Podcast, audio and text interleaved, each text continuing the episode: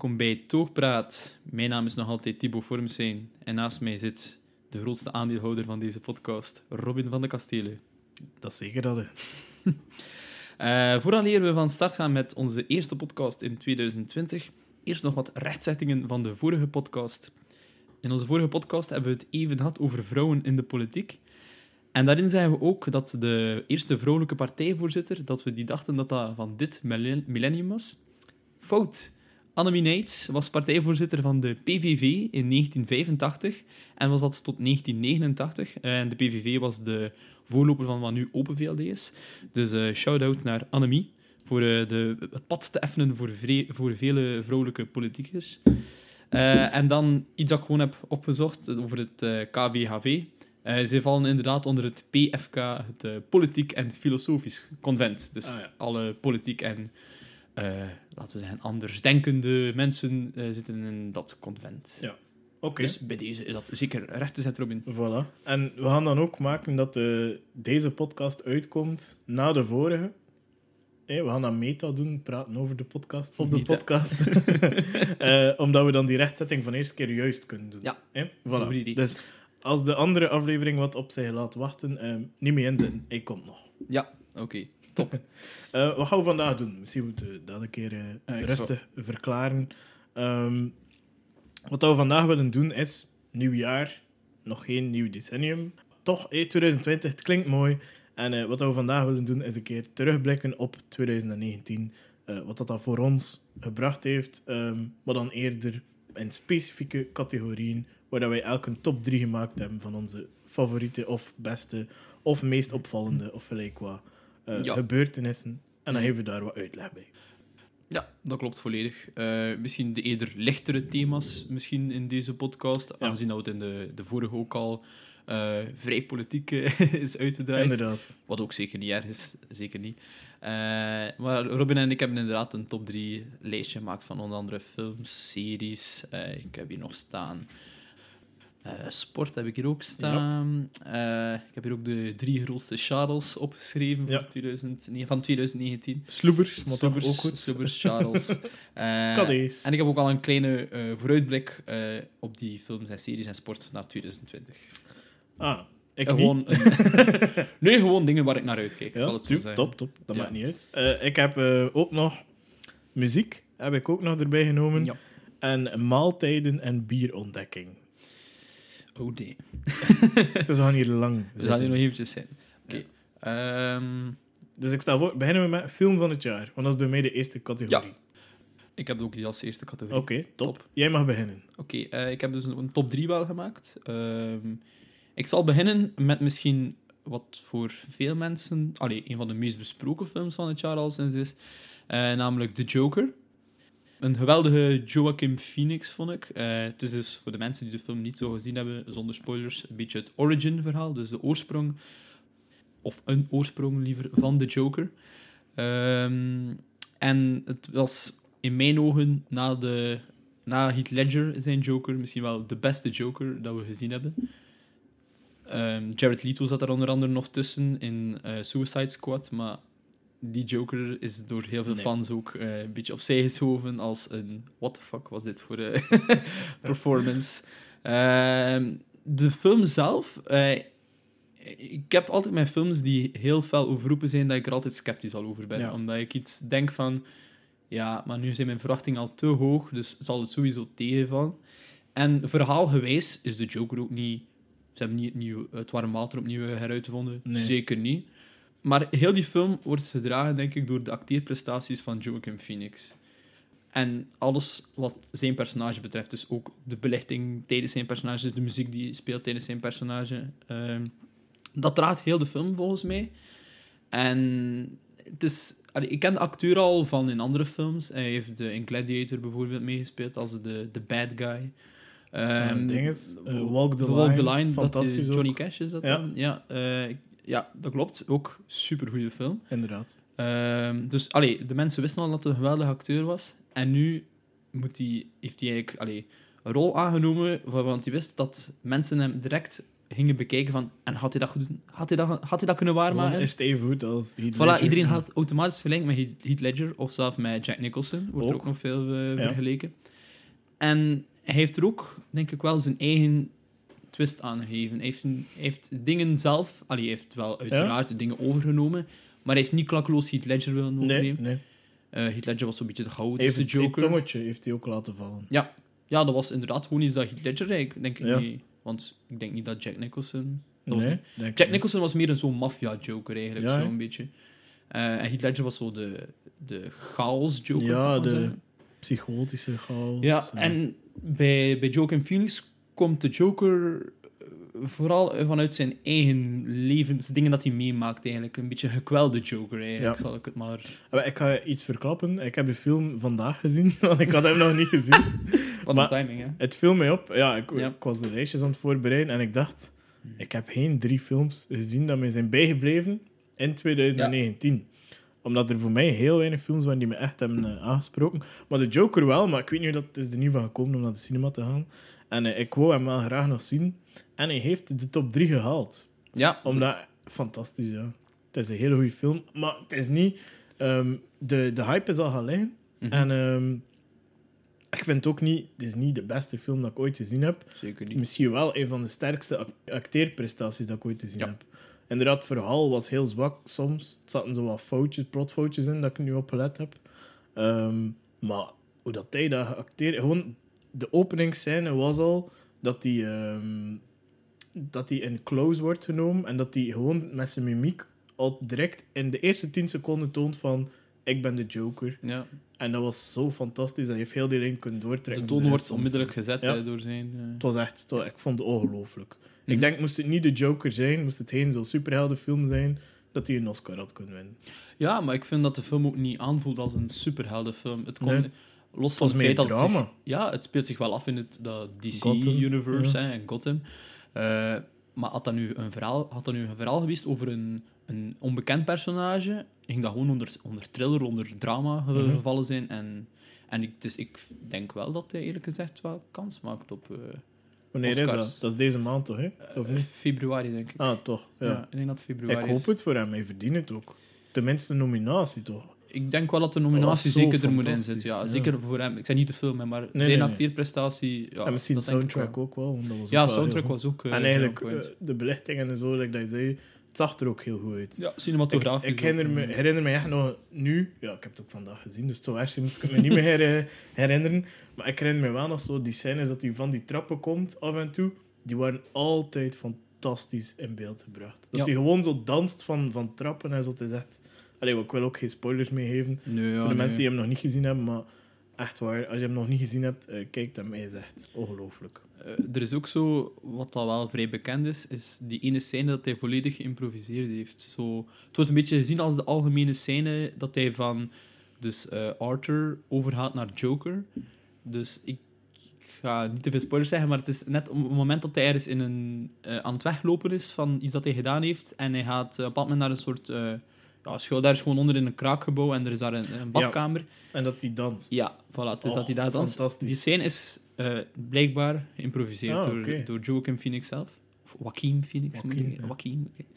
Ehm, en ja, die scène die klopt in mijn ogen gewoon volledig. Dat, is, eh, dat voelt raar voor ons aan, maar dat is juist de bedoeling dat het zo bevreemdend aanvoelt er is. En toch klopt het in het, in het Maar toch, als kijker had ik toen niet het gevoel dat hij toen de Joker werd. Nee, ik maar had achter- toen het gevoel dat hij, dat hij met zichzelf eh vrede had genomen Ja. op dat moment. Ah, wel, maar ik denk dat dat de eerste stap Ja. is richting... En dan, wanneer dat hij echt Joker wordt, is volgens mij, zonder veel spoilers te zeggen, wanneer dat hij de kleren aandoet. Ja, En Dat dat, hij vertrekt ja. naar een belangrijk event. ja. Eh, dat is zo moeilijk om dat te doen zonder moet spoilers. echt eh, in cryptische Ja. omschrijvingen eh, praten. Maar je weet wat ik bedoel. Nee, ik, ik, ik weet welke scène dat je bedoelt. Ja. ja. Dat, dat hij daar staat in die lift. En dat is volgens mij van... Nu ben ik echt de Joker Mhm. geworden. Ik denk dat vooral de, de scène is dat hij allee, een soort van vaarwel tegen, tegen Arthur zegt. Ja. Tegen zijn... Maar tegen de pillen... Oh ja, spoiler. Ehm, tegen... een echte spoiler is niet, want het komt Nee. volgens mij na vijf minuten in beeld of zo. Mhm. Maar hij zit zwaar aan de medicatie. En volgens mij is dat de... Als hij bent te dansen, het afscheid van de medicatie, waardoor dat hij zichzelf kan worden Ja. als de Joker dan. Ja. Of zichzelf niet kan worden, zodat je het Ja. bekijkt. Dus ik vond Jake, zeker Joker een eh, terechte plaats in de top Terecht. 3. Wel misschien een beetje overgehyped door de media. Qua film zelf dan. Ja. Eh, maar qua act- acteerprestaties, lof naar eh Joaquin Phoenix. Inderdaad. Ik zal nog snel mijn... Ja, doe maar, doe maar, doe maar. Ik heb eh, op twee heb ik, een, eh, heb ik lang zitten even- even over nadenken. Eh, ik had een beetje hetzelfde gevoel als jou. Ik heb heel veel films nog in te halen dit jaar. Ik Ja. ga dat alsjeblieft ook zeggen welke film dat ik nog moet inhalen. En dus mijn heel mijn top 3 kan in feite nog wezen. Eh, maar ik heb daar El Camino bij gezet. El Camino, a Breaking Bad Geen movie. spoilers, alstublieft. Geen want- probleem, geen probleem. Eh, dus El Camino is een Breaking Bad movie. Eigenlijk een vervolg op de serie die eigenlijk al meer dan vijf jaar geleden is afgerond, als Mhm. ik het goed heb. Ja, zeker. Ja. Ehm, en het gaat eigenlijk direct verder op het verhaal. Dus niet dat er een aantal jaar tussen Ah, zit. Het zal, gaat direct... eh. Het volgt er echt wel onmiddellijk op. En ik, mijn eerste reactie toen dat ik hoorde dat ze een vervolg gingen doen op Breaking Bad. Oh nee. Je had toch iets dat zo goed was? ja. Ga je toch niet proberen nog uit te melken voor dan misschien een film te maken die oké is? En heel grote kans dat die gewoon gaat floppen eigenlijk. Ehm, maar toen hoorde ik dat Vince Gilligan, dus Ja. de ori- originele regisseur van, de, van Breaking Bad en ook van eh, Better Call Saul, Ja. eh, eraan ging werken, was ik wel al optimistischer. eh, omdat ik vind dat Vince ook iemand is die zijn tijd neemt voor ehm, zaken in beeld te brengen. Waar dat veel regisseurs dan fan pleasure willen doen en van alles er gaan bij betrekken en personages laten terugkomen. Vince zegt nee, ik volg gewoon het verhaal dat ik in mijn gedachten Mhm. heb. En ik moet zeggen, dat is heel gelukt. El Camino is, als je Breaking Bad niet hebt gezien, moet je niet naar El Camino kijken. Je Nee, gaat- ja, je had er niet van snappen, er gaan referenties eh, Mhm. gezegd worden dat je gaat zeggen, eh, oké. Maar het is een film die cinematografisch heel sterk is. Er worden- zijn een aantal shots in de film, eh, zonder spoilers te zijn, als ze op een bepaald moment weer zo in de woestijn rondrijden daar, of ja, in de desert daar in Mhm. Albuquerque, of noem je Albuquerque. ja. Ehm, die echt gewoon nog mooier zijn dan de scènes die al in Breaking Bad zitten. Ehm, opnieuw ook, muziek is on point. Het is een heel rustige film eigenlijk, want er zitten niet te veel actiescènes in. Ja. En er zit ook heel weinig dialogen in de film. ja, maar ik zeg het... Allee, dat is zo mijn analyse van de serie Breaking Bad. Is het beste dat zij hebben, zijn de stiltes. Ja. Dat is echt... Die zijn heel sterk in die Hoe ze serie. omgaan met de stiltes Maar is eigenlijk... gewoon wat dat er gebeurt. Ik herinner mij een aflevering dat eh, Walter White een eh, vlieg wil vangen. Ja. En dat is zo geniaal. Mhm. Die, af, die aflevering is zo geniaal. Dat gaat eigenlijk bijna drie kwartier, bijna Ja. alleen over dat. Ja. Maar, En maar toch dat ben- er wel een tweede laag zit ook ergens. Maar Ja, die, die ga je uiteraard. wel zien dat je de serie gezien hebt, of Mhm. niet. Maar gewoon, het is zo geniaal. Ja. Ja. Nee, En, ik eh, vond het... eh, eh, Gewoon, het toont ook alles over de mens dat hij is. En eh, hoe dat hij... allee, dat toont gewoon iemand zijn volledige karakter. Hoe dat hij die vlieg wel wil vangen en daar echt heel de tijd mee bezig is. En dat wat, ja, fantastisch. En Ja, en Ja. ik denk dat El Camino daarin geslaagd is om die Ja. toon verder te om zetten. op die vibe verder te gaan. En ook omdat het was niet, ik had na Breaking Bad niet noodzakelijk het gevoel dat er nog een vervolg moest komen. Nee. Het was een afgerond verhaal. Ja, nee, want ik Er vond- waren wel nog oké een aantal vragen die onbeantwoord blijven. Maar Mhm. soms moet dat ook, vind ik, bij een film of een serie. Ja, Dat moet niet per se dat dat... nee. Het mooie is soms dat je, er, dat je er zelf moet over nadenken. Het moet niet er is. allemaal Star Wars zijn, hè, zeg ik. Ja. Daar ga ik ze straks ook nog iets over zeggen. Ik heb hem al gezien, daar ga ik Ja, ze ook nog iets over zeggen. Ehm, en ja, het is een, het is een mooi... Het, het, het, het rondt het verhaal af voor eh, een van de Ja. hoofdpersonages. Ik weet niet, allee, zonder spoiler om te zeggen Ja. wie dat het volgt eigenlijk. Weet je, wie, weet je over wie dat het verhaal eigenlijk gaat? In Ah, ja, het gaat over Jesse, Ja, oké, ja. ja. zonder spoiler dan. Eh, dus ja, het rondt het verhaal van Jesse mooi af, vind Ah, ik. Het, is, het, is, het is mooi. Er komen natuurlijk een aantal personages terug. Maar het houdt... allee, het is geen eh ruis dat hij gewoon iedereen een keer gaat bezoeken. En voilà, kijk, we hebben overal een conversatie mee gehad en punt. Nee, het is echt zijn eigen verhaal. Ehm, En is het een einde of zou het er een vervolg op nee, ik vind, nu, is, nu is het wel... Nee, ik vind het nu wel echt wel een einde. einde. Ja. Nog, meer, nog meer dan de serie. eigenlijk. ja, maar ik, eh, de serie, ik ga ik je eerlijk zijn, ik vond het vijfde seizoen niet zo heel goed. Allee, het begin wel, maar het einde, ik vond het einde van de serie niet zo heel goed. Ja. Maar dat is ook voor een stuk persoonlijk, ja, is wat hier ook wel spoilers overheen, maar hij had al vijf jaar de tijd had of zo om te zien. Ik heb het al gezien. Ehm, nee, iedereen gewoon die luistert. Ah, ja, ja, oké, ja. Dus ja, ander, weet je wat, skipt twee minuten of zo als je het niet wil horen. Als je Breaking Bad nog niet hebt gezien, Sla dan nu over en kom binnen een Ja. twee, drietal minuten terug. Voilà. Go.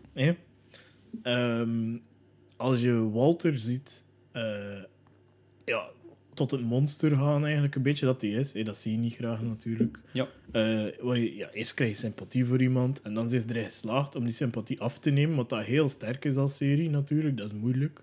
Hoe gedaan? Mhm. Allee, hoe gedaan, ja. Je kunt hem natuurlijk... Ze hebben, ze het gradueel gedaan, waardoor dat zo sterk is. Ja, Je kunt hem ja, de pedofiel maken en het is direct gebeurd. Hè, ja, je natuurlijk. kan hem gewoon één schokkende gebeurtenis geven en hij wordt Ja. dan direct zo. Maar dat is niet zo. Maar dat is niet zo. Nee, het is echt een aftakeling van een goede mens dat je ziet. En je ziet ook, iedereen zou het zo kunnen zijn. Maar op het einde vond ik het erover.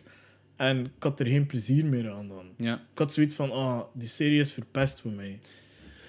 Wat verpest. Ik denk dat eh, veel mensen zeggen ook inderdaad het vijfde seizoen had niet hoeven. Omdat seizoen Ja. 4 breidt daar misschien nog één of twee afleveringen aan. En je, je zou Ja, ook een einde kunnen hebben. einde, Je hebt dat een einde, dat is waar.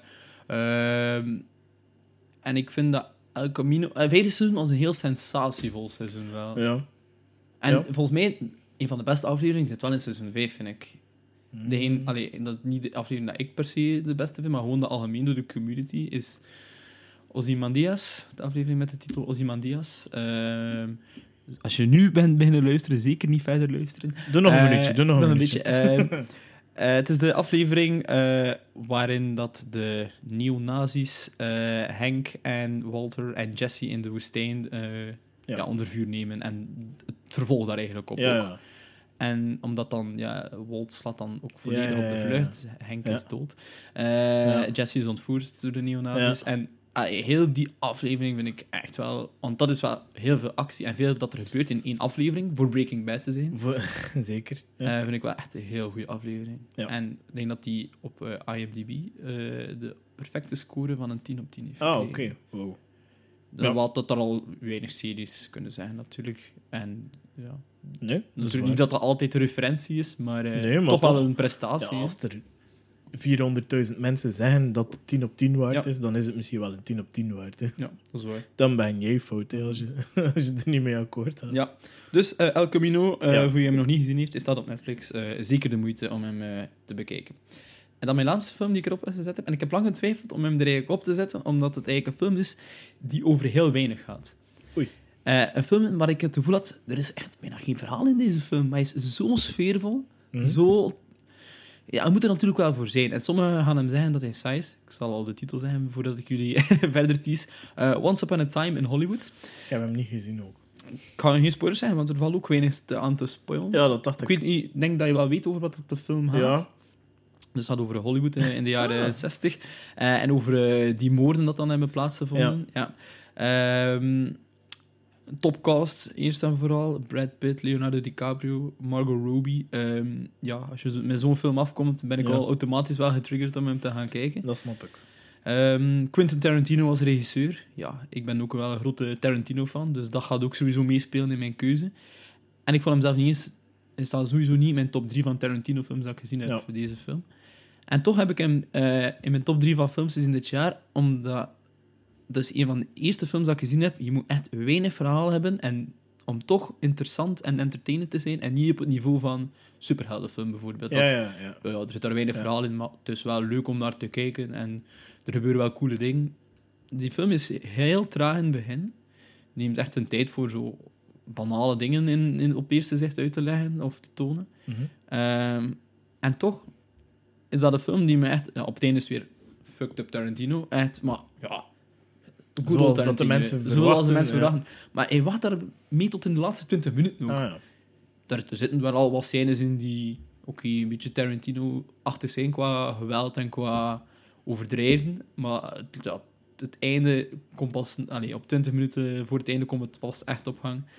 En toch, ik vond het... eh, op één iets na vond ik het een heel goede film. Eh, namelijk, vond de, de rol van Margot Robbie veel te weinig uitgespeeld. Het was, Ah, ja. het was echt volledig bijna overbodig. Oké, ik snap wel, er is zonder... Allee, ik ga niet verklappen, er is wel één grote joke waarom dat ze die Margot Robbie er per se wilden insteken. Mhm. En als je de film gaat zien, ga je het misschien wel snappen. Eh, maar zij hadden, ik vind dat er meer had mee kunnen gebeuren met de rol van Margot Robbie. En ook een heel goede actrice. Nochtans wordt ze wel in de eindejaarslijstjes die ik al bekeken heb, hoog ingezet Ja. door haar prestatie daar. Ja, ik, ik, ik heb haar al in... Ik vond ze bijvoorbeeld veel beter in The Wolf of Wall Street, bijvoorbeeld. Ja. Daar had ze ook wel een iets prominentere rol in. mhm. Zij is echt een, een zeeverhaal in heel de film. Ja, in, in het grootste deel van de film. En dat vond ik wel een beetje jammer. Maar voor de rest vond ik het een heel goede film. En ja, het is nu zijn negende film, geloof ik, van Tarantino. Geen idee. Maar En Tarantino heeft altijd gezegd, ik ga tien films maken. en Ah, oké. ik. Ja. Dus nu zijn negende film. Ehm, er gaat al gerucht dat hij misschien zelf nu zou stoppen, na deze negende film. Eh, want hij, allee, ik denk dat hij ook zichzelf niet wilde... allee, zichzelf verraden, ik maar Ja. Dat hij niet zegt van, ik ben gewoon nog films aan het maken om films te maken. om maar tot aan die tien te geraken. ja. Jawel, is dat. Dus misschien dat hij daar nu... kan hij beter tien jaar pauze houden of zo en dan nog Ja. een, film Ja, ik ben, het is inderdaad de negende, want de vorige was The Hateful Eight en dat was Oh. ook expres Eight genoemd. Omdat Ja, en daarvoor film- was het ook iets met Seven toch, of niet? Ben ik het nu fout? Niet van Tarantino, denk ik. Nou ja, dat is wat. Inderdaad, Ja. maar hij heeft al... Ja. Oké, eh, dus Once Upon a Time in Hollywood, eh, zeker de moeite eh, om hem te bekijken. En ik heb nog één shout-out dat ik gewoon geven. Ik heb hem niet in mijn top 3 gezet. Avengers Endgame heb ik erin gezet, omdat ik het een waardig einde vond voor, het, eh, voor de Infinity Saga. Ja. En ik denk dat er heel weinig series of films eh in slagen om eh, dat te doen. Een einde te geven waar dat, grosso modo, zeker drie vierde van je fans mee content gaan zijn. Ja, ook gewoon, als je de 21 films daarvoor hebt gezien, is het ook wel allee, Ja, ja, ja. super satisfying, die film, op heel veel gebieden. Ja. Ehm, ik vond eigenlijk Infinity War zelf nog beter dan Endgame. Ehm, maar, allee, chapeau daarvoor. En zoals je al in het begin aanhaalde, ik heb nog een heel aantal films in te halen, waaronder eh, The Irishman, eh, Marriage Story, Parasite of Parasite, of dat ik het moet uitspreken. Eh, en waarschijnlijk zijn er wel nog een aantal die ik zeker had moeten bekijken Ja. dit jaar. Bij mij allemaal hetzelfde en iets van Two Popes of zoiets. Ja. Het zijn dat die fantastisch is ook. Maar Met Anthony Hopkins Ja. en... eh, kerel die ook in Game of Thrones meegespeeld, maar ik kom niet op zijn naam. Eh wat. al sinds zijn dat dat ook fantastisch is, maar Mhm. ja, ik heb het ook nog niet gezien. Ik ga iets wat sneller over de mijne gaan, want... Waarvoor excuses? Nee, nee, nee. Gewoon puur omdat... Ik ik heb echt... Ja, de Joker is besproken. Ja.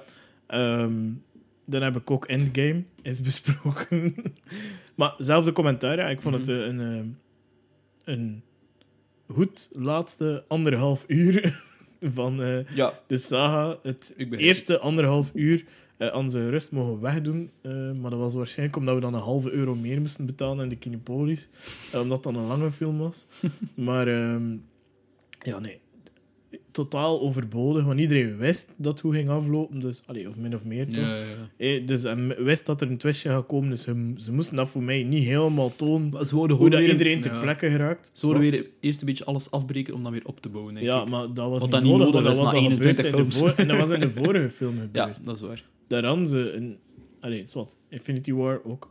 Beste film dat ik al gezien heb van de, de reeks. Ja, Maar Endgame, heel goed. Ik heb er ook van genoten. Ik vond ja tof, ik vond het film. leuk om dat te kijken. Ehm, en dan heb ik nog... Mm. Ja, omdat ik ja, ben weinig naar de cinema geweest en thuis kijk ik geen films. Dus er staat Spider-Man Far From Home er ook in. Als die, Mm. Is dat de juiste? Dat is de laatste van Spider-Man. Ja, voilà. Die vond ik ook goed. Ja. Ja. Ik heb hem ook gezien. Eh, niet in de cinema wel. Ik En heb hem ik wel. gezien. En ik vond Dat zal misschien ook wel... Dat zag er fantastisch uit. Visueel was het een heel goede En ik ben... hoe noemt die? Holland? Hol- Holland? Zoiets? Tom Holland. Tom ja. Holland.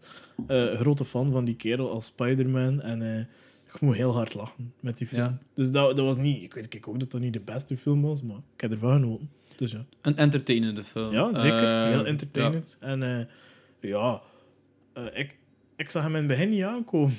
de twist die erin komt. ja. Nee. Eh, er komt de twist in, ja, ik bedoel, die, die moet je maar al gezien hebben. Er komt de twist in ehm, dat er zo iemand is die wat tijd en ruimte kan, ehm, ja, eigenlijk naspelen door een soort, ja, noemt dat, een soort visueel eh, projector-ding of Ja, zo. drones. Drones, ja. Het zag er, eh, ja, ik had hem niet door. Het zag er cool uit. Nee, nee, ik had ook eh, inderdaad... Dat, dat hij de bad guy was, hadden we wel al sneller. Dat wel, maar niet goed. eh, ja. Ja, dus ik vond het cool gedaan. Mhm. Maar bon, eh, ik stel voor dat we overgaan naar de serie van het jaar. ja, ik zal voor dat hij begint, als ik daar juist ben begonnen. Ja, het eerste half uur was voor jou ongeveer. Ja, wat is dat? Neem mee maar over hier, Robin. Ehm, ik heb drie dingen, waarvan één Ik wist niet als dat mocht, want we hadden niet echt regels gedaan. Waarvan één een seizoen van een Ja, dat mag serie dat ik vind. ook. Ik ga misschien daarmee beginnen. Eh, dat was Silicon Valley, als je die kent. Die Ik ken de serie, maar ik heb hem zelf nog niet gezien. Maar Nou, ik we vind hebben er al een keer een gesprek over Ja, we hebben er eh. al een gesprek over gehad. Ik vind dat een van de beste series eh, ja, die er zijn. Dat is, dat is echt... Die, het had over iets heel... heel allee, zo iets niet populair. Het had over datacompressie en zo. waar ik ook geen hol van begreep, ter verduidelijking. Maar ehm, heel tof om te zien. Hele goede acteurs. Heel goed geregisseerd. En een supergoed script. Dus ja, ik zie het. even kort samenvat voor de mensen die de serie niet kennen. Het gaat eigenlijk over een, eh, een, een Ja. techbedrijf in Silicon Valley, dus in, eh, in Californië. De stad van de technologie. Ja, en dan eigenlijk ook over de, die mensen die daarin werken en over hoe dat bedrijf groeit of taal. Dus het is een, een microbedrijfje van vier mensen. ehm, en ze vinden een product uit die toevallig het beste op de markt is. Omdat ze eigenlijk, zoals dat veel dingen gebeuren binnen technologie of binnen andere dingen, ze willen iets eh, ontwikkelen. En eh, ze zien dat het een andere toepassing heeft die plots supergoed is. En eh, op die manier proberen ze het op de markt te brengen. Maar zoals dat gebeurt in de wereld, botsen ze op heel veel hindernissen. En eigenlijk elk seizoen komt er gewoon een nieuwe hindernis dat ze moeten overwinnen. Ehm, maar het is super tof om te zien. Het is, het is comedy, maar niet met punchlines. Dus slimme comedy.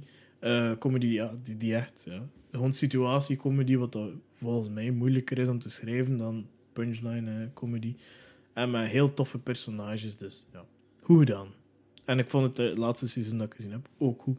het is definitief gedaan, de serie. Nee, ik denk het niet. Nee, komt er nog eh, Ik hoop van wel. Ja. ja. een spin-off of eh, echt eh, nog een Nee, ik denk dat dat echt No. wel nog een seizoen komt. Ah, ja. Denk ik, ofwel ben ik fout. Nee, nee, ik weet het niet. Ik denk het wel. Oké. Dan heb ik nog Afterlife van Ricky Gervais. Vond ik een van de beste dingen dat ik ooit gezien heb. Omdat het is zes of zeven afleveringen maar. Ja. Van 20 of 30 minuten.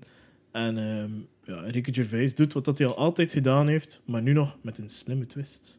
Omdat hij ehm, los van de comedy echt nog een diepgaande drama, emotie erin gestoken heeft. Waardoor dat echt een niveau hoger geteld wordt, volgens mij. Ja. Dus ja, ik vond dat schitterend. Over wat gaat het? Het gaat over een, eh, een man die zijn vrouw verloren heeft en zijn vrouw was alles voor hem. En ehm, eigenlijk heeft hij geen reden meer om verder te leven en wil hij er ook een einde aan maken. De enige reden waarom dat hij het niet doet, is omdat hij nog een hond heeft om voor te zorgen. En daaruit er dan, eh, ontstaan er dan heel veel grappige situaties die zowel pijnlijk als grappig zijn. Waardoor, dat is een soort, ik weet niet, dat is een speciaal gevoel als je dat kunt creëren, denk ik. Dat je zo tristesse en humor in één situatie kunt steken. En dat doet hij perfect, Ricky Gervais. En ja, super hard gelachen, maar ook een heel goed verhaal. En zaten er veel cliché dingen in, zeker. Maar ik vond het toch fantastisch.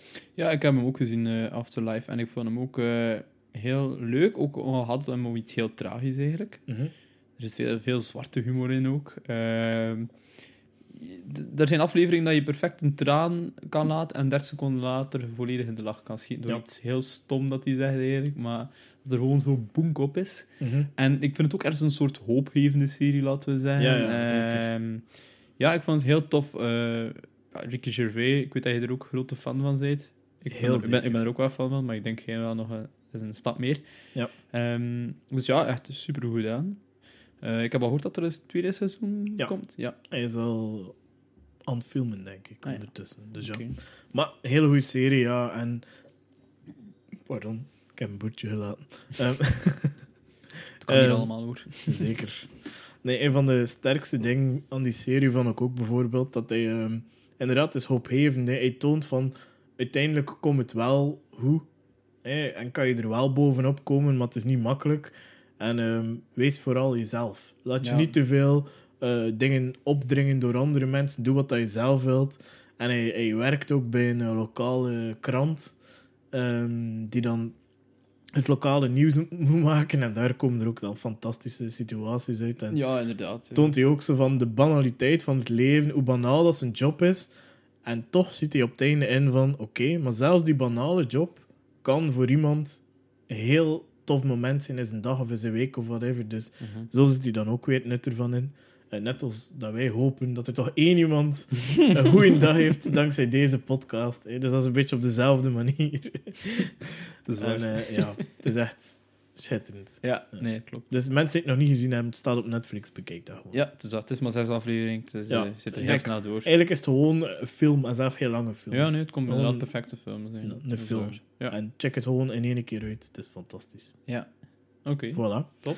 En dan eh, het laatste dat ik had, was iets Belgisch. Ehm, misschien heb je het ook. Dat zou heel goed kunnen. Eh, de dag van Ja. eh, Jonas Heijnaert en. Julie Mailleu. Ik heb hem ook staan op mijn eh, nummer 1 van series Ja, van ik ook. Ja. 2019. Ik vond dat schitterend. Ja. Ja. Was- subliem.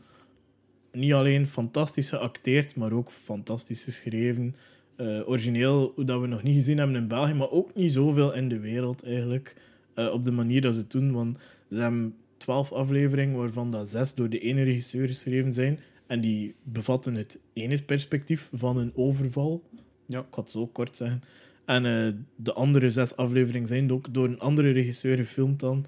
En eh, gaan over het andere perspectief. Wel, het ene perspectief is inderdaad van de overvallers, mogen Ja, we toch zeggen. En de het andere overvaller. perspectief vanuit de politie Ja. eh, bekeken. Politie-slachtoffer. ja, politie-slachtoffer. Ja. Wat dat, ja, dat, dat, is, dat is nog niet zoveel gebeurd, volgens mij. Denk ik, moest dat op Netflix komen, dat dat ook heel populair zou kunnen ja, zijn. ik denk dat dat inderdaad wel ehm, internationaal ook eh, bijvoorbeeld- kan breken.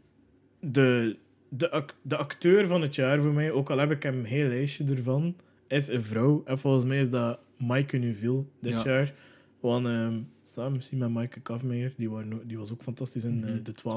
12, ja. Maar toch, Maaike Nuville heeft zowel in de dag als in de 12 een fantastische rol eh, vertolkt. Ja. En ehm, ja, ik heb ongelooflijk veel respect wat dat zij kan met haar mimiek en hoe dat zij ehm, eigenlijk, ja, ik ga het niet verklappen, maar hoe dat zij toch echt heel die serie draagt zonder dat je het door hebt. Ja, nee, nee dat, Ja. klopt, dat klopt volledig wat je zegt. Eh, ze speelt ook in heel veel mee hè, de laatste Ja, tijd. ze Eh, is allee, goed bezig. ze, ze is eigenlijk al een tijdje bekend bij het grote publiek, maar Mhm. nu, dit jaar, is het misschien wel... Ja, het is haar jaar ook misschien Ja. gewoon. Nee, ik vind, eh, dat klopt helemaal. Ja, ik had de dag ook eh, als eh, beste serie Top. van dit jaar. Terecht. Super, super Ja. geschreven. Ook, ehm, het is nu toevallig mijn vriendin, heeft een aantal weken, ondertussen al maanden geleden, Julie Mailleu is komen spreken Ah, bij. Dus de, tof. samen met Jonas, de persoon die de dag heeft geschreven.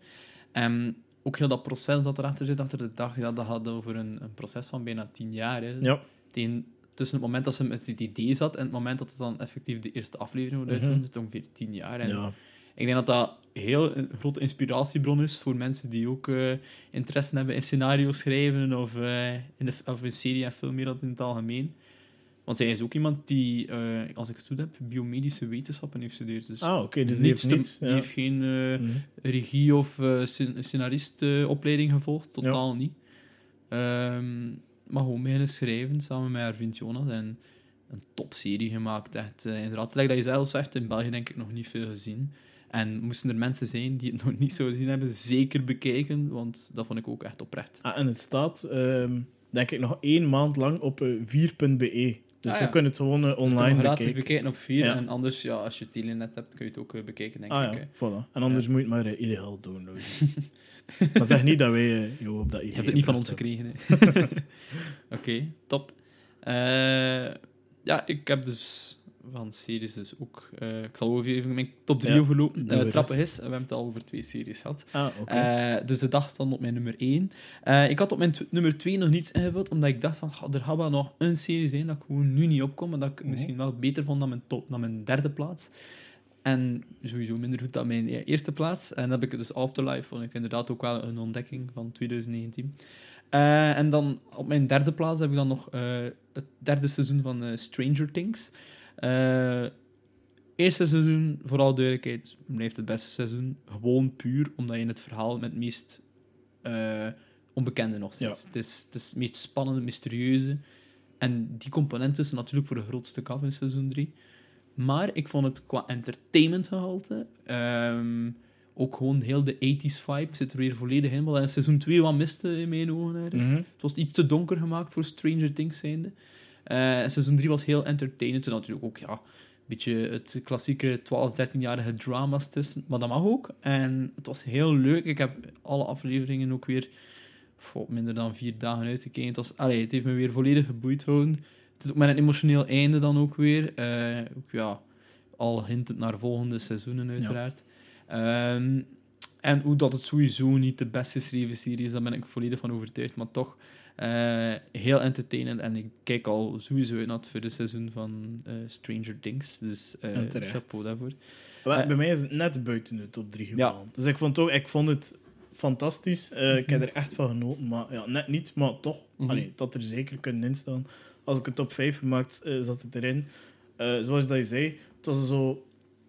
Het eerste seizoen was het beste, omdat dat nieuwste is inderdaad. Maar het was niet het beste. Volgens mij moest het derde seizoen als eerste zijn uitgekomen, dat mensen Dat dat, we dan zo... het beste van. Ja, Ja, zo- met mij gaat het vooral over het, het, het, het, het spannende en het mysterieuze. Ja, ja, ja. Wat dat je echt gehoekt bent, in- omdat je nog niet Mhm. mee bent in het eerste, Nee, eerste nee, aflevering. Parijs. Maar over wat gaat naar- ja, je weet niet naar waar dat toe En gaat. je, je bent echt benieuwd, je wil het weten. En in seizoen 3 weet je het eigenlijk wel al, hè.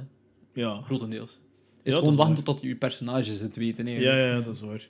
Ja, maar het zat, het zat echt heel goed in elkaar weer. En ehm, ja, zo de... Ik ken zijn naam niet, maar zo de acteur die... Hoe noemt hij? Ho- Hobbs? Is dat die? Nee? Ja, eh, de, De, politieagent? Eh, David Harbour. Ja, die, oh, die verdient ook echt wel eh, Ja, een dikke duim eh, voor zijn fantastische prestaties dat hij daarin eh, ja.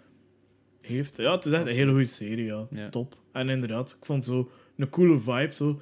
eh, dat is geen spoiler, zo, het komt voor het eerste winkelcentrum. En dan denk ik ook de van... mall. Fuck man, maar op hoe een korte tijd is ons leven veranderd. Allee, als mensheid gewoon. Ja, want dat, dat is nog maar een goede 30 jaar geleden. Ja, dus het leven is nog maar 30 jaar naar de kloot. Hè. Dat is niet zo heel lang. Hè. dat, dat is gewoon van dan hè, dat dat komt. Daarvoor was alles beter. Maar dat is wel echt zo. Hè. nee, Nee, te val. omdat eh, het, eh, het is ook het jaar van het milieu, denk ik. Samen met 2018 misschien. met de aandacht voor het milieu, laten we Met de aandacht voor het milieu, uiteraard. Ja. Mhm. Ehm, ja, dat zit daar ook in. Hè. Dus ik bedoel, al die bezorgdheden. Ja, ja, Ja, dat was er toen al onderhuid zit dat erin, van die Ja. bezorgdheden van dat winkelcentrum. Ja, dat, dat was heel terecht. Hè. Dat had dan niet ook zo vooral een beetje over de lokale economie en Ja, maar zo. Dat economie, ja maar, Ja. ja. maar ik link daar dan ook aan lokaal eten en zo. En als we dat allemaal wel nog hadden Ja. gedaan, dan zag het er ietsje beter Misschien uit. zoek jij het gewoon te ver in deze serie, Robin. Misschien vind ik er meer in dan dat ja, misschien wel. Dat is ook niet slecht, hè. Dat is dat ik naar zo'n schilderij kijken Ja, en dan ja. zo'n hele analyse geven en dat Ja, de kunstenaar uiteindelijk zegt, kijk, Ja, eigenlijk was het gewoon dat, hoor, Robin. paard getekend, wat is dat nu? Ik vond dat gewoon mooi. Zo rood, blauw en heel, dat, is gewoon, dat zijn mijn kleuren gewoon, ja, sorry. Ja, ja, ik het niet meer leggen. Ehm, wat ik wel nog als enige opmerking bij Ja. mijn series wil geven is... ehm, eigenlijk een beetje dezelfde opmerking als bij mijn films. Ik heb een heel aantal series nog niet gezien. Ik heb nog Chernobyl niet gezien. Ik heb... eh, blijkbaar is Watchmen ook heel Ja. de moeite om te kijken. Eh, ik heb The Witcher. eh, The Witcher. Ik heb nog... hoewel dat al het tweede seizoen is, Big Little Lies. Blijkbaar ook een top HBO-serie met heel sterke vrouwelijke actrices in de hoofdrol. Eh, en ik heb ook zelf nog de 12 niet gezien. Dus misschien als ik de 12 had gezien, had ik hem misschien er ook tussen. Ook er al veel positief over gehoord. Ja. Eh, ik weet niet of jij de 12 hebt gezien. Ik heb het volledig gezien en ehm, het is niet het beste dat ik ooit gezien heb. Dus het is, niet, het is minder goed dan de dag in mijn ogen, Ja. maar ehm, misschien dat de acteerprestatie van Maaike Kafmeijer Ja. dan wel het beste is dat ik ooit gezien heb in Vlaanderen. Ja. Dat ik nog straffer dan Maaike nu veel, maar omdat algemeen gezien was het haar jaar, denk ik, maar Maaike Kafmeijer, dat was echt ongelooflijk. Echt. wel... Dus alleen maar voor Ja. haar moet je gewoon die serie bekijken. Die heeft ook wel de hoofdrol, als ik het ongeveer... Allee, het gaat over haar, eigenlijk, het verhaal. Hè. Het gaat over... Eh, zij het wordt beschuldigd over eh, voor een moord. Ja. En dan is het Dus- de jury met onder andere Ja, Maaike. nee, kort schetsen, ehm, zonder spoilers. Wat, wat, wat gebeurt er? Ehm, het is een assisenproces, wat dat, eh, het hoogste proces is dat je kunt doen, eh, waardoor dat er een volkjury bij komt. Ehm, en Maaike Kafmeijer speelt Free Palmer, denk ik. Ehm, en zij wordt beschuldigd van de moord op een studiegenote, dus een vriendin van haar, van 20 jaar geleden, en op haar eigen kind. En de volksjury moet dan eh, beslissen over de schuldvraag, dus al dan niet schuldig. En wat dat de serie eigenlijk doet, is tonen hoe dat iedereen tot ofwel zijn getuigenis komt, of tot zijn beslissing voor ja of nee. En dat is het van. Dat toont gewoon, iedereen heeft de achtergrond, iedereen heeft de bagage mee, en dat beïnvloedt je beslissing. Ja, dat het niet zo objectief is Ja, als misschien Eigenlijk wel. Eigenlijk is het geen pleidooi voor een uh. Ja. Maar het is wel fantastisch in beeld gebracht. En zeker als criminoloog eh, kan ik dat zeggen van... Allee, dat boeide mij echt wel. Het is zo'n beetje de omgeving waar ik mij graag... In aanraking Ja, komt. in aanraking kom. Hè. En ehm, ja, het was, het was heel goed geschreven, goed gedaan, maar eh, net niet de top 3. Maar opnieuw denk ik, als ik een top 5 had moeten maken, dat er wel Dat is. het er wel tussen stond. Ja, Ja, dus het was, het was fantastisch. Oké, Ehm, volgende categorie. zeg maar. Over, Kies maar. Gaan we het over, eh, zoals Jan Bikous zou zeggen, sport? Gaan we het over sport hebben? Sport is prima. Sport. Ehm, ik heb ook weer een top 3 van misschien wel de belangrijke... Allee, in mijn ogen Ja. de sportmomenten van het jaar. Ik ben natuurlijk wel een beetje eh, nationalistisch geweest in de zin dat er natuurlijk... eh wat val je nog mee? Eigenlijk is maar één Belg in de top 3. Ah. Maar laten we zeggen, de dingen die in België in Ja, het ja. oog springen. Ehm, op 3, iets dat mij totaal niet interesseerde, basketbal.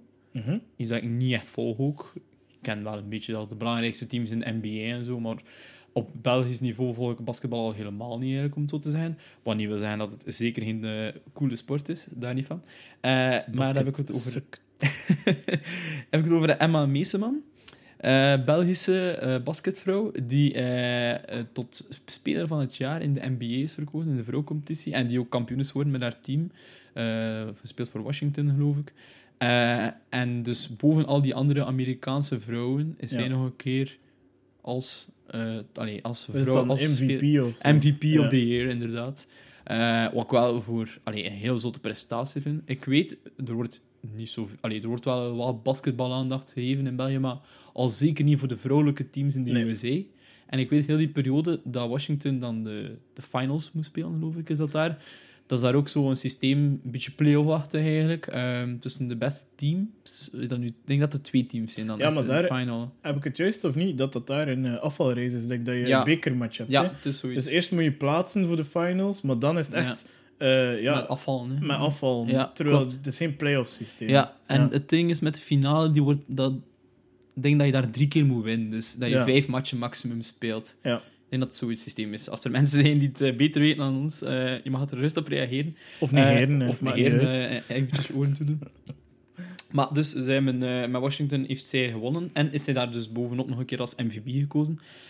En voor mij was zij dan ook eigenlijk de sportvrouw van het jaar geweest. Want ik denk dat we in onze geschiedenis... Allee, los van alle prestaties van al die andere topatleten dit jaar... ehm, eh, ja, iemand, een Belgische of een Vlaamse dame die het zo ver kan schoppen in, in de NBA, wat dat toch wel de hoogste competitie in basket ja, is. en vooral, ik denk dat dat daar ook heel chauvinistisch is. Dus Ja. dat ze veel eerder op een Amerikaan zouden stemmen dan op een Belg. Dus ze moet, ze moet echt al... Echt al- Ik heb het niet gezien, ja, je want ik moet- volg het basket niet, ik ga Mhm. eerlijk zijn. Mhm. Maar toch, heel chapeau, want ik denk dat je wel echt met kop en schouders moet bovenuit steken dat je dat wordt dan. Je moet echt al Ja, echt iedereen de mond kunnen Ja. snoeren, want anders word je het niet. Ik bedoel, we hebben het bij een heel andere sport ook gezien. Eh boksen, Delphine Persoon, Ja. Katie Taylor.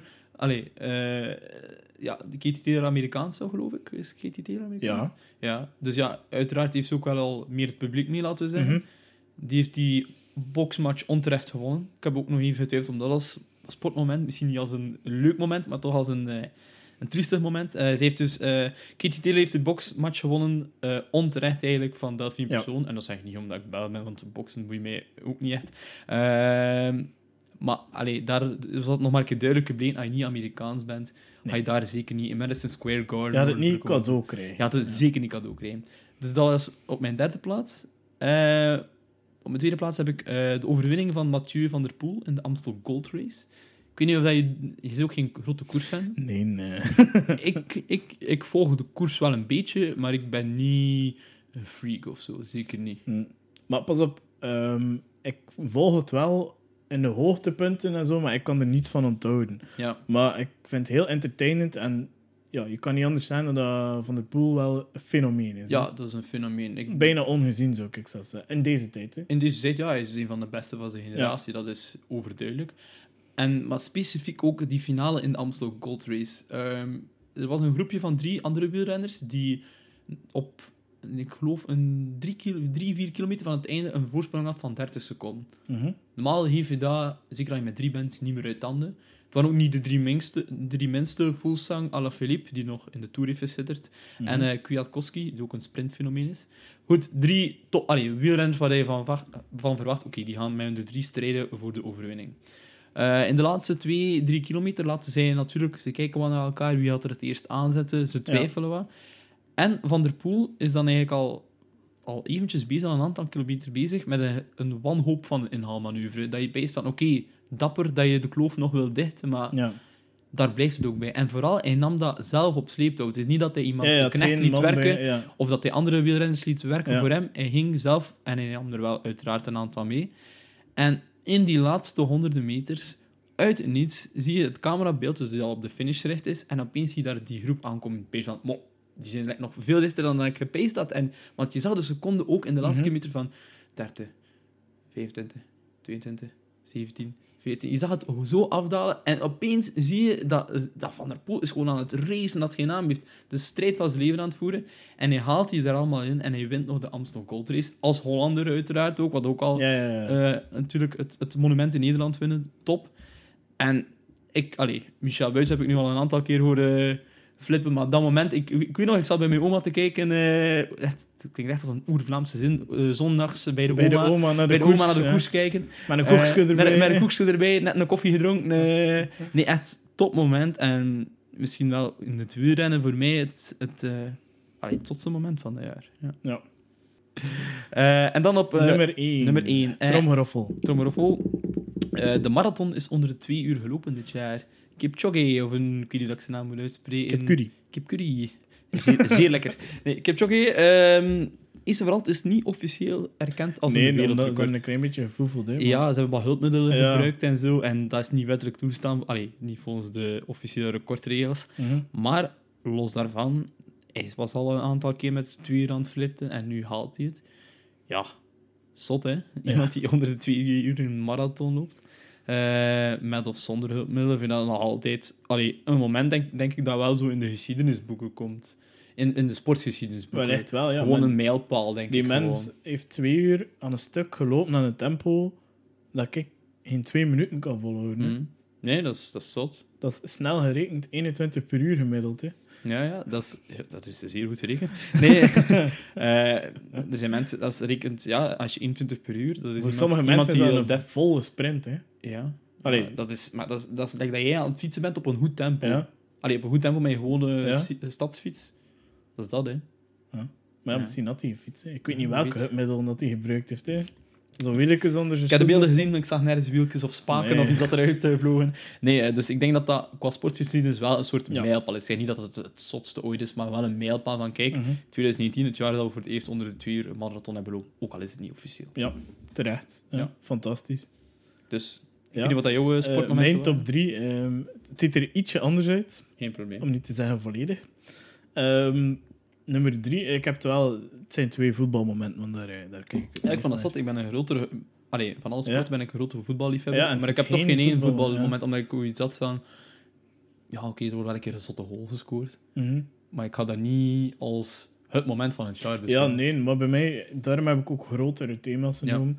Eh, dus nummer 3 is de ondergang van het fenomeen Anderlecht. Omdat Ja. 2019 was het eerste jaar dat een Anderlecht van zich kon inbeelden, denk ik. 2018, Savannah. Maar dan 2019, eh, ja, geen Europees voetbal. En iedereen dacht, oké, het zal dat wel volgend jaar beter worden. En het is gewoon nog erger geworden. Ehm, ik ga er niet te lang over hebben voor de mensen die het zich niet interesseren. Maar ja, er is veel veranderd. Er is een nieuwe voorzitter. Na een hele periode van dezelfde familie eigenlijk. Ja. Ehm, Vincent Company is teruggekeerd naar Anderlecht. En iedereen had torenhoge verwachtingen. Eh, ze hebben die niet ingelost. hè. Het, was, Nee, het, was, klopt. het was echt een ramp voor de Anderlecht-fans. Dus eh, ja, ik ben... eh, ik ga stiekem een bekentenis doen dat eigenlijk naast Cirkel Brugge ik eigenlijk wel een, een boontje heb voor Anderlecht. Ehm, vooral omdat ze altijd toffe jeugdspelers hebben gebracht. En dat is echt de voornaamste reden waarom... Gewoon, het is niet dat ik iets heb met Anderlecht, ik ben er nog nooit naar gaan kijken. Maar ehm, ja, nu weer een Verscharen, Lukaku, Praat, Tielemans. Dat zijn zoveel... Allee, allemaal spelers dat je zo... Het is wel duidelijk een Ja. ploeg die investeert in hun jeugd. In hun dat, is- jeugd. dat klopt volledig. En ja, eh, hofleverancier van de Rode Duivels. En Absoluut. het is, het is tof om dat te zien. Dus daarom heb ik er gewoon sympathie voor. Ik zie dat graag bezig, zo'n toptalent. Mhm. Het probleem is dat ze nu één toptalent hebben, maar dat ze wel de ploeg vullen met tien non-talenten. Of Ja. heel gemiddelde spelers. Mhm. Ehm, dus vandaar dat het eh, niet werkt. Maar bon, tot daar. Ehm, als er Anderlecht... voor Anderlecht, Robin van de Kastelen. Ja. Er zijn al vriendschappen voor minder verbroken. Maar ik zeg het, puur Nee, omwille van de het jeugd. puur, ja. ja. Ah, je kijkt bij de Rode Duivels, hoeveel dat er in Anderlecht verleden Ja. hebben. Maar als je nu, gewoon ook omdat de technische spelers komen vandaar. Hè.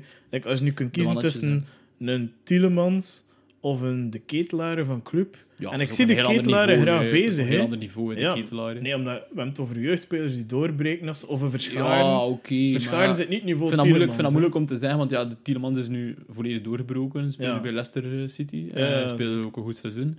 Ehm, ja, de Ketelaar is nu net in zijn eerste jeugdjaar. Misschien dat we daar binnen een jaar heel anders over praten. Oké, maar pak nu de Ketelaren en verscharen. Hetzelfde niveau pakt, maar gewoon... Ja, ja. En, ik zeg niet, de Ja, Ketelaren is niet is minder. groter- Ik denk dat Verscharen een intrinsiek een groter talent Ik is. zie Of hem heeft het al meer naar bezig. uitgekomen? Ik zie het Ja. gewoon liever bezig. Ja, misschien wel. Ja, Ja, ik heb- nee, aan de andere kant, ik heb verscharen slechte matches gespeeld. Ik heb de Ketelaar nog geen eens slechte matches gespeeld. Dus dat is dan ook weer iets. Maar de, Ketelaar Maar dat is denk ik gewoon het soort speel dat je gewoon tof Ja, vindt. voilà. Dus het gaat hem daarover. dan kan je En zeggen, Anderlecht- een, een, een, Van Aken is ook niet de frivole speler Nee. die eh dingen Nee, doen, dus ik zie liever waardevolle dan Van. Aken. Dat is ook zo, ja. Ja. En Van Aken zou Ik ik dacht eerst dat je dat ging hebben. vragen, want dan ging ik wel zeggen, ja, Van Aken Ja, is wel een speler die al veel meer bewezen heeft. En Ik zo. zou liever Van Aken in mijn ploeg hebben, Ja, maar ik zie liever verscharen bezig. ja. Dus ja, dat, Dat, is dat, dat, begrijp ik volledig. Oké, mijn twee van eh, sport. Grote verrassing. Het is de comeback van Kleisters. Ja, Kim Kleisters eh, gaat terug beginnen eh, aan haar tenniscarrière. En wat gaat ze doen? Ze gaat een Netflix-documentaire daarover maken. Ik zie parallellen met een uh, Anderlecht-icoon. Ehm, die ook Ja. een Netflix-documentaire krijgt. Maar ik vind wel straf dat ze het nog doet. Ik denk dat heel België eh, hoopt dat ze dat zeer goed gaat doen. En ik denk dat iedereen fan is van Kim, om het zo te zijn. Ja. Ook gewoon een aimabel figuur. Eh, wat ik me wel de vraag stel, is dat ze nog op haar 38ste, geloof ik dat ze... Haar 38? Ja, ze is nu 38. hè? Ik denk het wel. Ja. Ik denk het wel. Dat ze dat nog gaat kunnen waarmaken. Eh allee, dat ze nog de, op hetzelfde niveau ooit gaat staan, denk ik dat ze toen heeft gestaan. Is niet evident natuurlijk. Hè. Nee. ik, ik hoop dat ze dat zelf beseft. Ik denk dat wel, want ik denk, dat ze, dat, ik denk niet dat dat een heel impulsieve persoon is. Ik denk dat ze heel beredeneerd dat gaat doen en dat zij ehm, het niveau nog haalt, maar dat ze de fysiek niet meer heeft. En dat ze nu Ja. gaat die fysiek opkrikken en misschien, hopelijk, Ja. het niveau dan kan mee opkrikken. Want momenteel heeft ze een kleine blessure net achter de rug. Of Ehm, bezig. ja, hè. Want, dacht het ook. eh, Maar ik denk dat ze wel zei dat Ze toernooi in- in, maart, in maart haar eerste toernooi ging doen, eh, Ja. geloof ik. Ja. Ik hoop het. Ja, ik ben benieuwd. Ik vraag me dan af, start ze dan ook weer zoals de, ja, de beginnende profs, helemaal van onderaan de ladder? Eh, of heeft ze wat meer credibility, omdat ze wel het ooit bewezen heeft? Ik weet dat niet. Ehm, blijkbaar, ik heb dat gehoord, moest ze niet van onder beginnen, maar ook niet van boven. Dus het had zoiets ertussen... Oeh, pardon. Eh, iets ertussen zijn.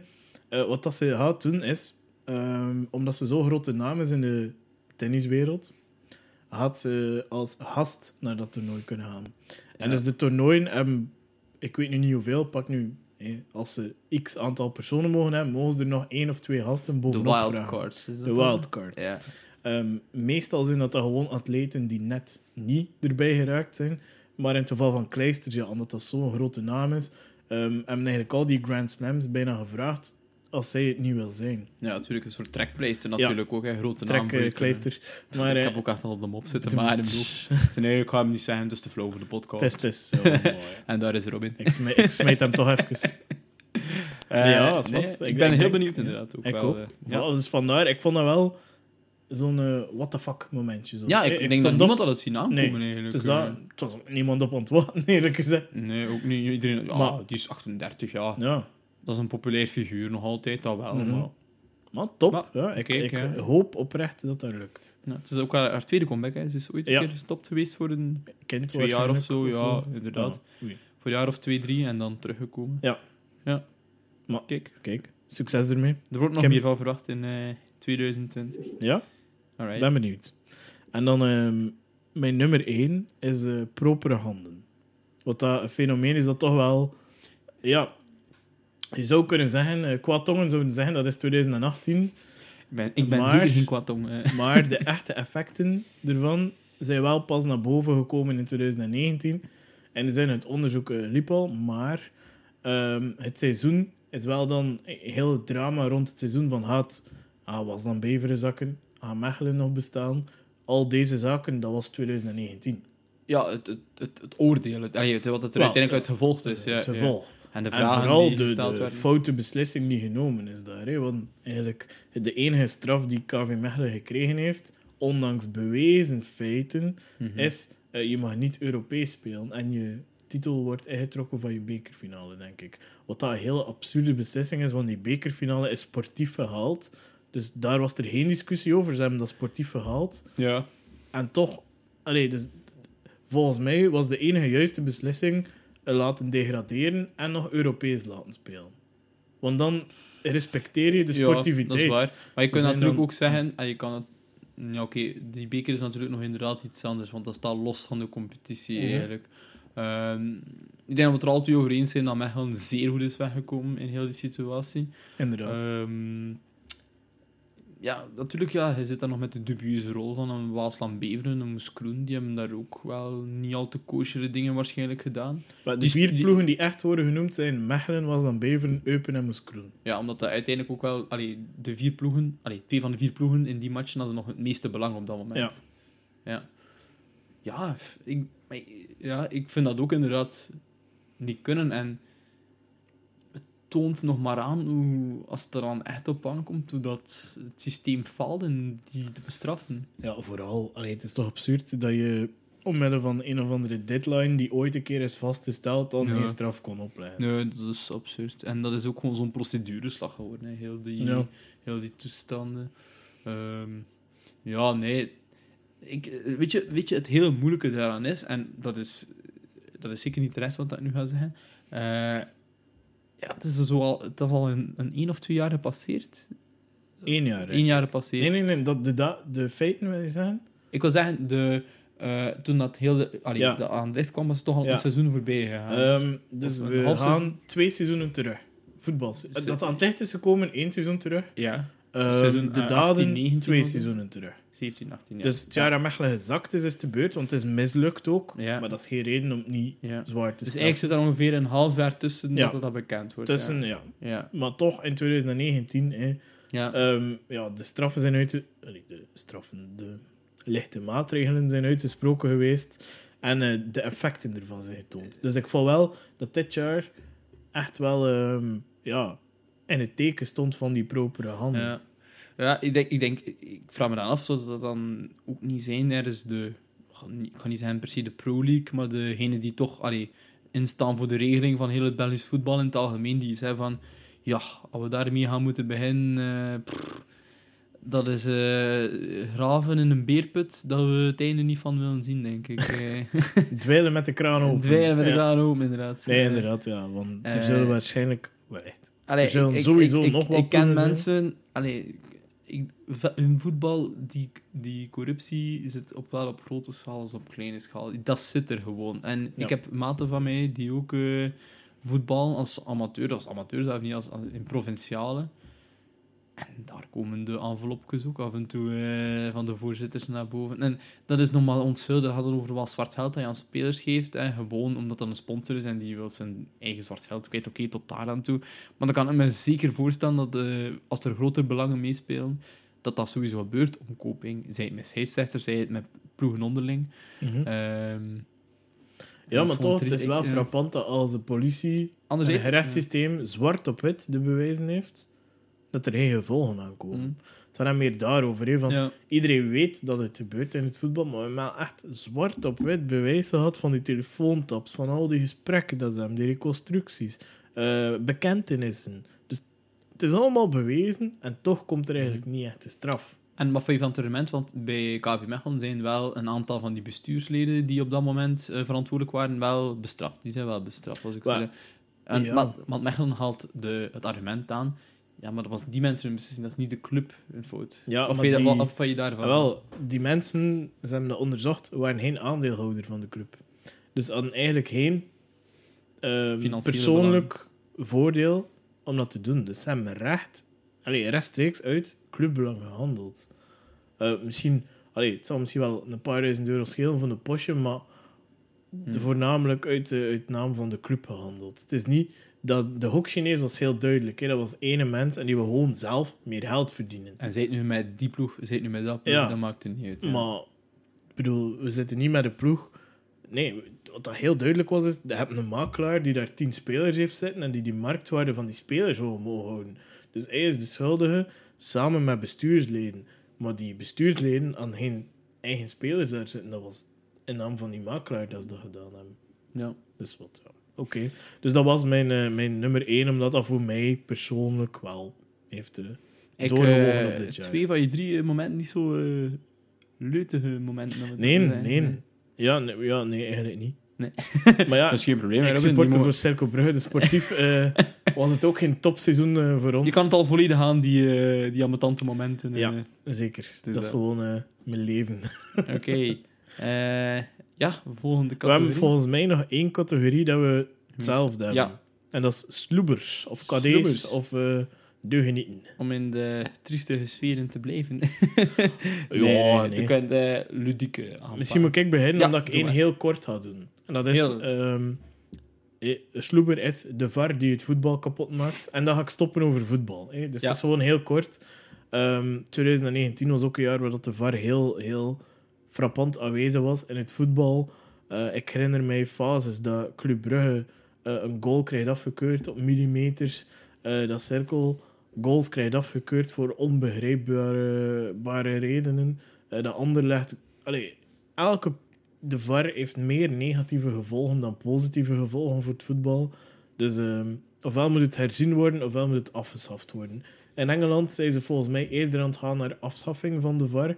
Want die kunnen dat daar niet accepteren dat een goal voor een halve millimeter wordt afgekeurd. Dat is geen buitenspel. Dat is niet de geest van buitenspel. De Ja. geest van buitenspel is, voor de mensen die het niet begrijpen... ehm, vroeger was er geen buitenspel. En wat gebeurde er dan? Had oude goede spelers en die gingen letterlijk aan de goal van de tegenstander wachten tot ze een bal kregen. En dat vonden ze dan niet meer leuk en dan hebben ze het buitenspelval in, eh, ingebracht, waardoor dat een heel tactische sport is eh, gekomen. Maar het is echt niet... De geest van het spel is gewoon, of de geest van die regel is, dat je niet aan de goal van de andere staat te wachten, niets te doen, en dat je gewoon de bal naar voren trapt en probeert een goal te maken. Dat, is, Mhm. dat is de bedoeling van die regel. Niet om iemand op een millimeter af te meten en te kijken als die al dan niet voor de laatste verdediger staat. Dat is waar, maar daar begint gewoon al de discussie. Hè.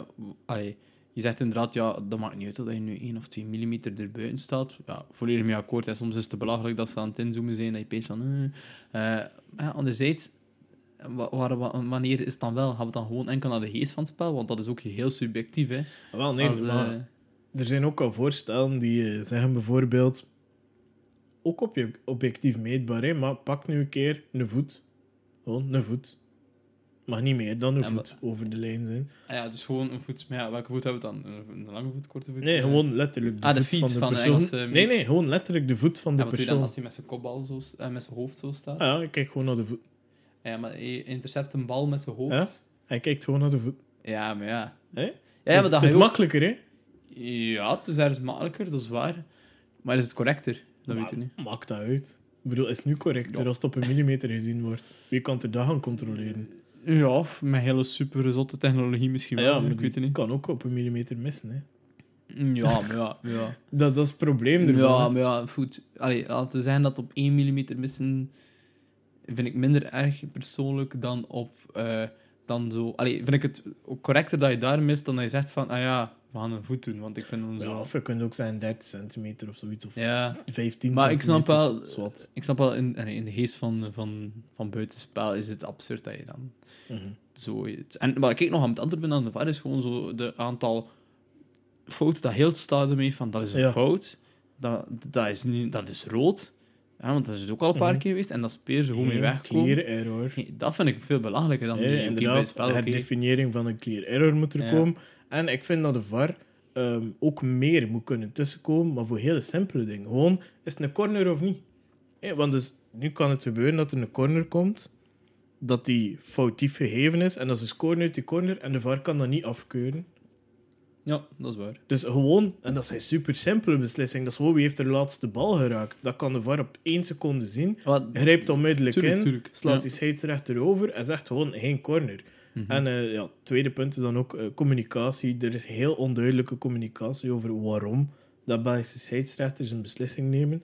Er is één scheidsrechter die per toeval gecommuniceerd heeft omdat er een micro dicht bij hem stond. Ja. Ehm, nee, maar dat was het Ja, meest vond- fantastische fragment, Ja, want dan snap dat- je waarom dat ze die voilà. beslissing Mhm. nemen. Eh, en die scheids is dan geschorst gestraft, geweest, Ja, vond ik Ehm, absurd.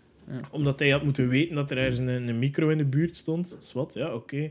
Als de voetbalbond er zo over nadenkt, eh, alles moet, allee, moet duidelijker worden, moet meer open sfeer creëren, Ja. behalve de Belgische voetbalbond. Ehm, dus ja, shame on you, jullie zijn de sloebers. Eh, nummer drie van mijn jaar. Eh, nummer twee, ik had niet gezegd om over politiek te beginnen, maar ik ga het toch doen. Ehm, dat ga hij niet bepalen. Eh, ik ga het niet in zijn eh, dialect zeggen. Maar ik ga uitleggen waarom. Want nu, dat klinkt alsof dat zo'n fait divers is. En dat is ook gepasseerd. Dat eh, divers. Jan Jan Bon vooral. Ja, Jan Jan ja. Bon, die als... ehm, ja, als... eh, allee, ik kan nu even niet op de... De Vlaams minister-president Ja, ja. de ehm, tegen de mensen die hem moeten controleren, zegt over... het ging over transparantie van papieren. Hij is eh, een financieel plan opgemaakt. Ik weet niet meer hoe dat precies ging. Ik denk dat het over de begroting ging of zoiets. Voor eh, 2020. Ze hadden dat opgemaakt. En ze moesten het tegen een bepaalde deadline afleveren. En ehm, de mensen die hem moeten controleren stelden de vraag van... Ja, eh, wanneer gaan we dat hier te zien krijgen? Hè? Je ging dat vandaag doen. We je hebt het al. Oké, je wil het maar volgende week doen. Maar wij willen dat je het nu al toont. En dan zei hij, dat gaat hij niet bepalen. Hè. En dat is eigenlijk een zin dat heel veel zegt, want dan zegt hij gewoon tegen een controlerende functie, zegt hij van, kust ik in mijn kloten, ik doe wat ik wil. Ja. En dat, is, eh, dat dat zo licht passeert, en dat gaat zelfs niet over hem, dat gaat niet over hem, dat gaat niet over de controleurs, maar dat gaat over de media en iedereen, dat we daar veel te laks in zijn dat dat gepasseerd is. Dat is niet zo waar dat hij dat gezegd heeft. Ik snap ook dat hij dat gezegd er is heeft. wel wat media-aandacht voor geweest. Ja, maar meer omdat het grappig was. Ja, meer omdat het opvallend was en Ja. minder omdat het echt eigenlijk een ene macht Ja. tegen een andere inhoudt. Het ging meer ja. over een boertige. Hè. Ja. Oh, amai, wat een boertige opmerking. Oké, maar het gaat over de inhoud. Het gaat over dat hij een controlerende functie eigenlijk negeert. Ja, En dat is iets dat erg is. En, dat, en eigenlijk denigreren doet tegenover de mensen die betaald worden om hem te controleren. Ja. En dat is eh, een gevaarlijke trend dat ik hoop dat in 2020 niet gaat verder gezet worden. Want ik vrees Ja. ervoor. die democratie, ja, kijk naar Trump. Het is heel actueel. De podcast gaat ook actueel uitkomen, dus we kunnen het zeggen. Maar Trump heeft ehm, raketten gestuurd op een, eh, Iraanse, generaal in ja, Irak I- of Iraanse, Iran? Iraanse Ja, of Iran. generaal, ja. Ja, en ehm, hij had geen toestemming gevraagd van de Congress. Hij dus van de controlerende functie, eh, zijn parlement eigenlijk, heeft hij geen toestemming aangevraagd. En Ja. ik hoop dat die trend niet gaat verder zet worden, want dat, dat, dat is een Ja, ramp. dan kun je elke hek aan de knoppen zetten. nee. Ja, dan krijg je gewoon een dictator. Ja, nee, dat, eh, dat klopt volledig. Maar enfin, in België is het niet zo zwaar. We moeten dat niet vergelijken natuurlijk met elkaar. Nee, Maar ik hoop gewoon hé, niets tegen Jan Bon. Want ik snap dat hij dat doet. Hè. Ik zou kijk, dat waarschijnlijk ook doen. Maar ja, dan moet je wel op je vingers getikt worden en eigenlijk een straf krijgen of zoiets. Wat dan niet gebeurd is. Mhm. Ehm, iedereen focust zich op de manier waarop dat hij het gezegd heeft. Maar je moet wel op de inhoud focussen. En dat is eigenlijk dat hij gewoon zegt: fuck off, ik doe wat ik wil. Ja. En dat is een beetje gevaarlijk. Dat, dat is, allee, om nu eventjes op de media daarop in te gaan, dat is denk ik ook wel de trend eh, de laatste tijd. Er wordt te weinig op inhoud gespeeld. Ja. Meer op stijl, op manier, op hoe dat iets wordt gebracht. Ehm, is en dat. ik dat is toch ook een, een trend dat al een aantal jaar bezig is, maar kijk maar naar een, een, een Dries van Langenhoven ook bijvoorbeeld. Eh, het, het gaat hem niet over of dat hij gelijk heeft of niet. Het gaat hem gewoon over, zelf als je niet gelijk hebt, zeg je gewoon fake news. Het is niet waar. Eh, ik word hier in een slecht daglicht gesteld, framing. Ja. Ja. Dat, ik denk dat dat wel een hele uitdaging wordt. En voor, zowel voor media als voor politiek eh, in het komende jaar en jaren. Dus ehm, ik hoop dat dat stopgezet wordt in 2020. Ja. Oké, mijn laatste sloeber van het jaar is een Hert Verhulst, omdat hij stopt met eh, Samson. Een toch leukere sloeber, laten we Een zeggen. leukere sloeber, maar toch, Ja. het is jammer, hè. Eh, een einde van een tijdperk, hè. Ja. Zeker. Maar te verstaan, ergens vind ik wel. Ik snap het ook. En ik snap ook dat het naar zijn dochter gaat. Eh, Ja, dat vind hoe ik zou je een zelf zijn, zet. zeg ik dan. Hè? Als je dat kunt aan je dochter doorgeven. En ook, het is het jaar van de vrouw ook waarschijnlijk, 2019. Dus ik hoop ook hè, dat dat dan een beetje in die trend gegaan is van hey, kijk, we, kunnen er... eh, waarom geen vrouwelijk baasje van Samson, zijn eigen dochter, die ook actrice is, dus ook de Ze heeft al ervaring ook. heeft. hè. Ze heeft door in een, een of andere Catnet-serie ook meegespeeld. Ah, wel, het is dat. Bedoel, Het is, het is geen, niet- het is geen bleutje, hè, om het is dat te zeggen. Nee. hey, dat zoontje van is die een programma presenteert over dating of zo. Hè. nee, Het, is, het is niet zoiets. wie zou dat nu zijn? Ja. Nee, Nee, nee, het, is, de- het is te verantwoorden. Ja. En ehm, kijk, Ik ik, ga het missen. Eh, ja, allee, nu niet heel persoonlijk dat ik het aan mis. Ik ben daar ook mee opgegroeid.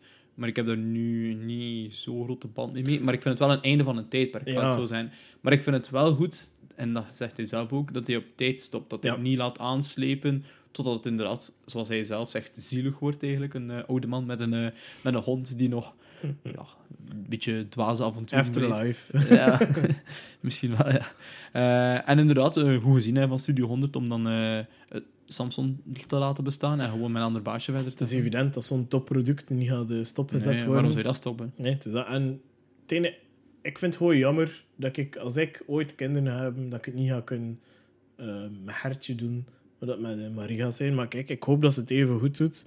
Ehm, Tegen dan heeft Studio 100 al lang een compilatie.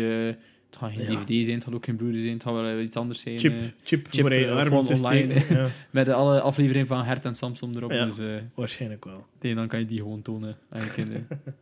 Oké, Oké, eh, ik stel voor dat hij nu nog je Ja, top mijn 3 Charles. zegt van Ja. de Charles. En dan doen we elk om de beurt gewoon een categorietje. Ja, oké, top. Eh, ik kan, op mijn eerste twee Charles kan ik heel snel zijn, omdat het is ook gewoon niet leuk om te babbelen over Ja. die mensen. En een van de twee hebben we ook al in de vorige podcast aangehaald. Maar ik ga beginnen met eh, Donald Trump. Ja, Trump is eigenlijk al drie, vier jaar de grootste Charles op de wereld eigenlijk. Of de Charles met de meeste macht, laten we het zo zeggen.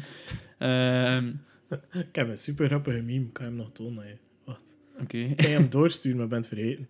geen probleem. Je mag hem beschrijven. Wacht, hè. Momentje. Ja. Eh, Trump. Hey Siri, how many miles did I run today? Siri answers, okay, sending mis- missiles to Iran today. Dat is wel mooi. toont dat hij niet kan articuleren en zo per ongeluk eh bommetjes gesmeten heeft. Het is, dat. Eh, ja, het is nog allemaal over laatste bleken. eh, zoals je het al zelf zei, het incident met Iran. maar ook op andere gebieden. Gewoon, weet je, een, een president heeft ook ergens een soort stijl en een basisrespect. En dat ontbreekt volledig bij Trump. En dan kan je nog niet eens zijn met bepaalde beslissingen. Het gaat hem ook gewoon over hoe dat je bent. Hè, ja. En zijn beslissingen zijn niet goed. En zijn stijl is niet goed. En zijn, ja, zijn uitspraken zijn al helemaal niet goed. Dus daar, ey, kijk, de wereld weet wie dat Trump is. En, kijk. Eh, op twee heb ik, eh, omdat het een 2019-thema was, dus Jeff Wiebers. eh, we hebben het er in de vorige podcast al over gehad. Eigenlijk moet Ja. die man ook niet meer aandacht krijgen dan dat hij verdient.